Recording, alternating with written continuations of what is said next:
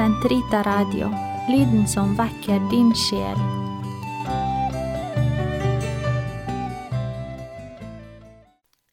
Karmels hage, episode 48 Hvile på flukten Så lenge jeg kan huske har det i St. Paul menighet ved juletider alltid stått en krybbe utenfor døren til menighetskontoret. Det er en enkel krybbe, ganske stor, som viser Josef og Maria og Jesus foran et tre, og det sitter en engel i treet. Jeg har alltid hatt et litt ambivalent forhold til denne krybben, og den har virket litt stressende på meg, urolig, som om noe var galt.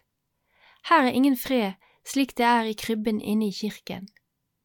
Først nå, etter å ha lest kapittel fire i krybbemeditasjonene til Schutz, skjønner jeg hvor denne typen krybbe kommer fra, og hva den egentlig skal forestille. Jeg skjønner at det kanskje er en variant av den krybben fra Napoli som han beskriver i kapittel fire. Maria sitter i en litt forvridd stilling, armene holdes anspent mens fingrene spriker. I St. Pauls krybbe er Josef også anspent, men han ser, mens han ser bekymret på Maria og Jesusbarnet, som ligger fredelig og sover ved deres føtter. Han skiller seg derfor litt fra den originale versjonen fra Napoli som Schütz beskriver. Der har Josef vandrestav og skuer ut og frem. Dette er altså en krybbe som forestiller Josef og Maria som hviler seg under flukten til Egypt. Når jeg skjønte dette, falt alt på plass for meg. Vi leser i dag dette kapittelet. La oss først be. Kom, Hellige Ånd, fyll dine troendes hjerter og tenn i dem din kjærlighetsild. Du som gjennom de mangfoldige tungemål samlet alle folkeslag til troens enhet. Send ut din ånd, og alt skal bli omskapt, og du fornyer jordens åsyn. La oss be. Gud, du har opplyst de troendes hjerter ved Den hellige ånd. Gi oss at vi ved din ånd kan glede oss over det som er rett, og alltid bli lykkelig ved Hans trøst. Ved Kristus, vår Herre. Amen. Kapittel fire Hvile på flukten Et betegnende unntak Krybbene fra Napoli står som et høydepunkt i krybbekunsten og krybbepleien.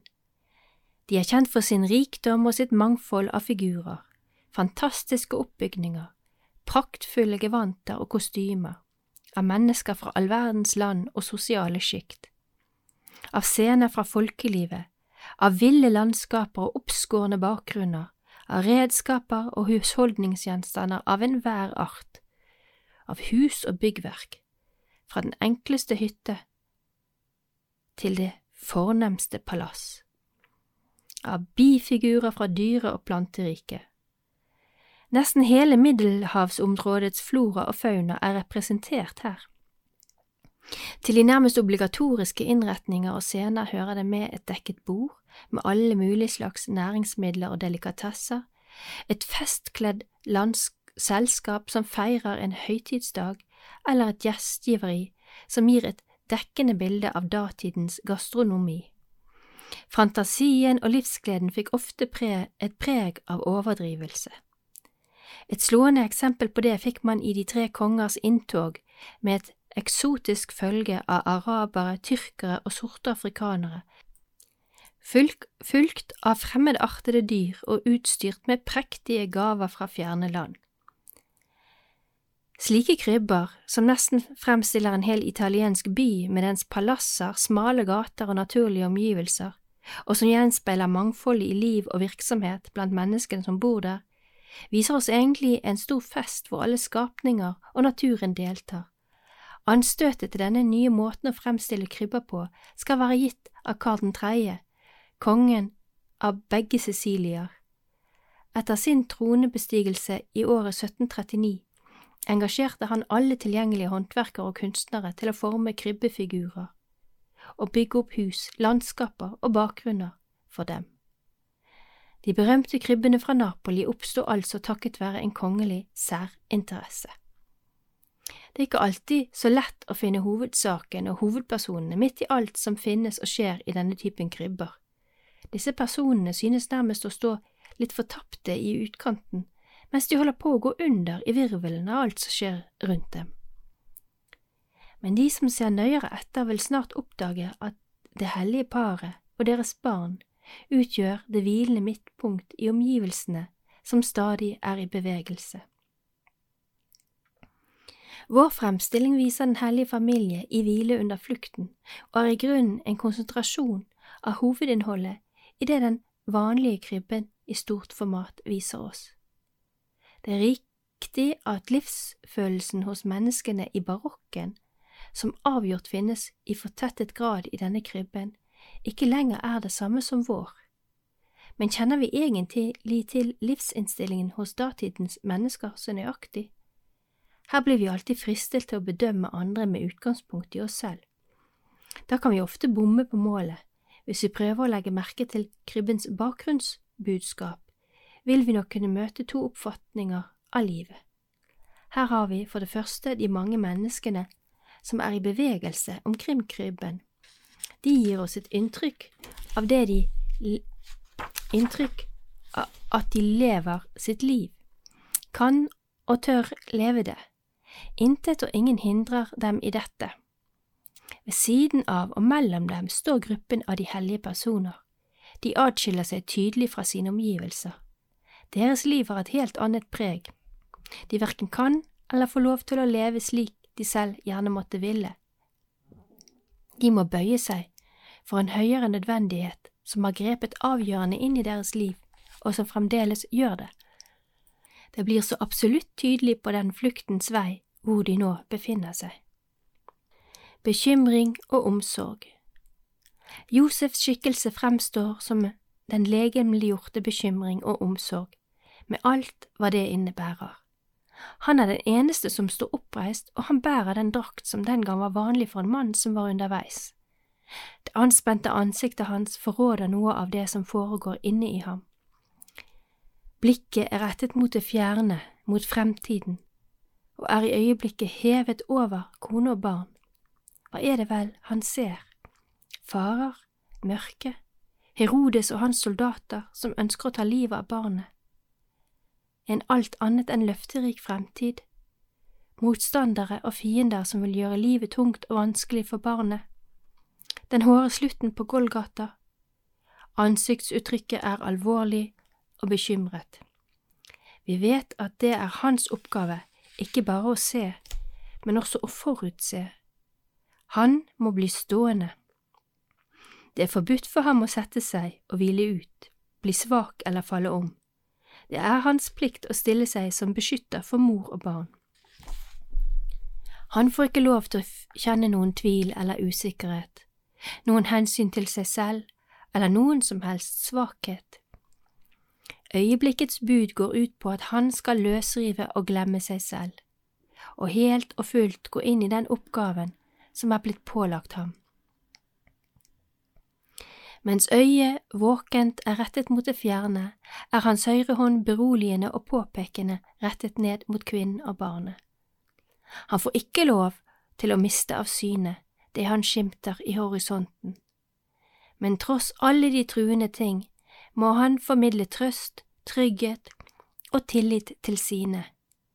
En uegennyttig og selvfølgelig hjelp og støtte har han her i staven, som han holder i sin venstre hånd.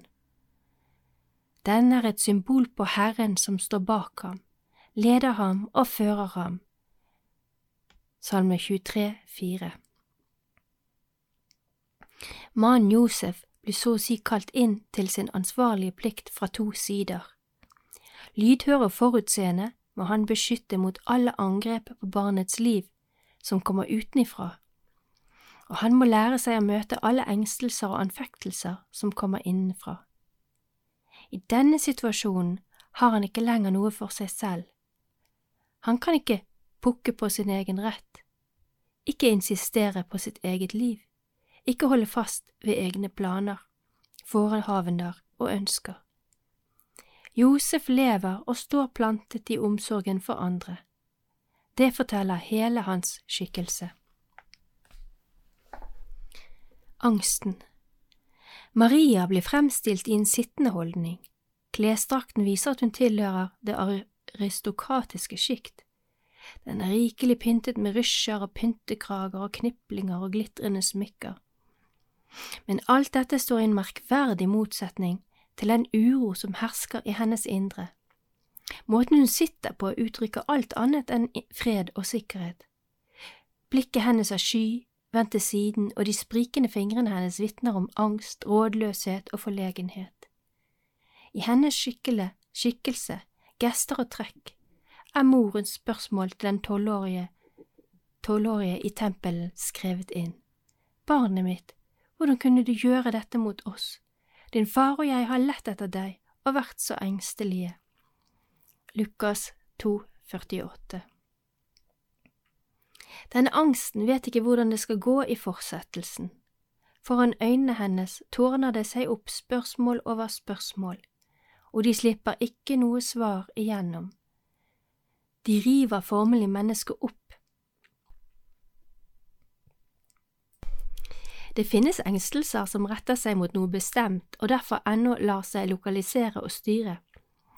Men denne angst som Maria Jesu mor blir hjemsøkt av i vår scene, faller fullstendig over et menneske og tar det helt i besittelse.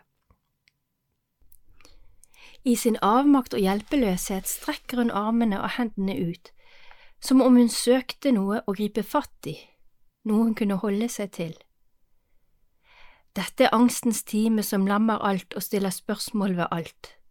Denne angsten har riktignok sitt utgangspunkt i bestemte, truende kretser, men hun kjenner ikke dets årsaker, hensikter, omfang og mål godt nok.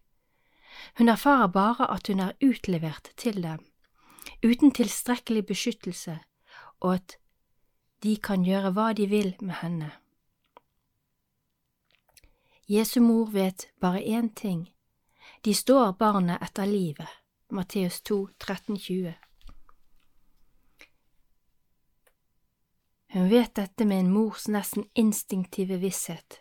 Denne angstens spøkelse kommer fortsatt til å følge både barnets og hennes egen livsvei. Den som dreper barnet, dreper samtidig denne moren. Møtet med denne angsten utgjør morens lidelsesvei. I sin angst opplever hun på forhånd sønnens lidelse og død, og tar samtidig del i den. Flukten markerer en vesentlig stasjon på denne lidelsesveien de truende makter og trusler som senere viser seg å være andre, men den grunnleggende trusselen for barnets legeme og sjel vil fortsatt være til stede. Maria bærer denne angsten dypt i sitt hjerte. Gjennom hele livet vil den ikke lenger forlate henne. Denne angsten bor i selve sjelsgrunnen og retter seg mot usikkerheten i hva det hele tjener til, og hvor hen det vil føre. Det hører til denne angstens egenart at den bare kan bli tålmodig gjennomlevd, inntil Gud endelig tar den bort. I denne mening kjenner enhver mor angsten for å miste sitt barn.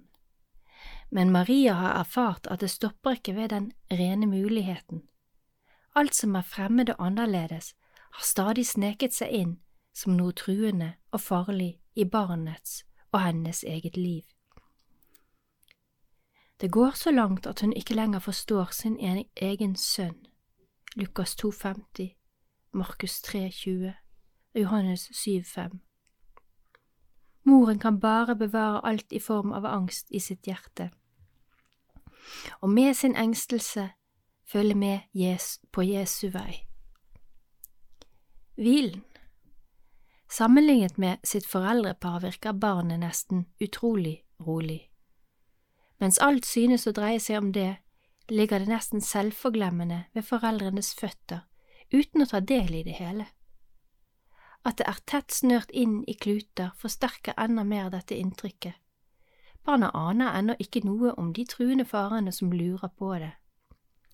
Det er guttens gode rett. Barnet danner den hvilende pol midt imellom alle fluktbevegelsene som finner sted rundt det.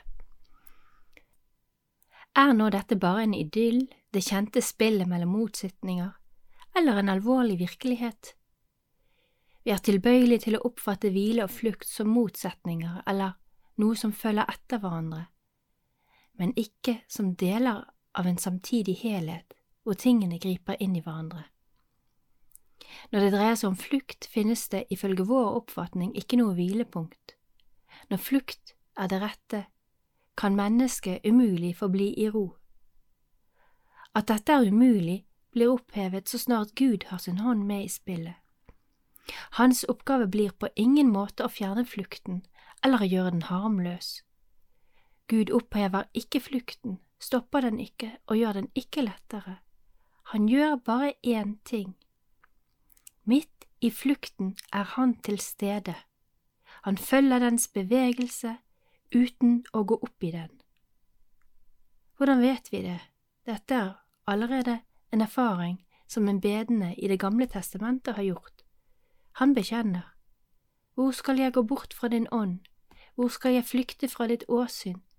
Farer jeg opp til himmelen, er du der, rer jeg leie i dødsriket, er du der, tar jeg morgenrødens vinger på og slår meg ned der havet ender, så fører du meg også der, din høyre hånd, den holder meg fast. Bakfra og forfra omgir du meg, du har lagt din hånd på meg. Salme 139 Guds beroligende nærvær omfatter også alle våre fluktveier. Flukt, bekymring, angst forsvinner ikke med det, men de opphører å være bare det disse betegnelsene uttrykker. Gud gir ikke disse følelsene noen ubegrenset rett, noe ubegrenset herredømme. Barnets hvilende hjelpeløshet er et tegn på at denne Gud er kommet inn i vår verden, som stadig befinner seg på flukt. Hvilken motsetning! Det lille barnet favner i sin ro om de voksnes bekymring og angst. Er det ikke i denne henseende nødvendig for oss alle å orientere oss etter barnet, etter dette Guds barnet?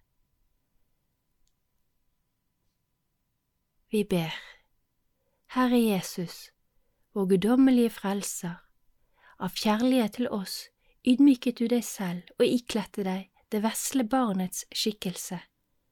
Gi oss den nåde å erkjenne din uendelige visdom, i ditt hellige barnekårs lønndom og fornedrelse, så vi kan elske deg, lovprise deg og tilbe deg, og slik, ved din godhet, å få se din uendelige herlighet du som lever og råder med Faderen og Den hellige ånd, Gud fra evighet til evighet.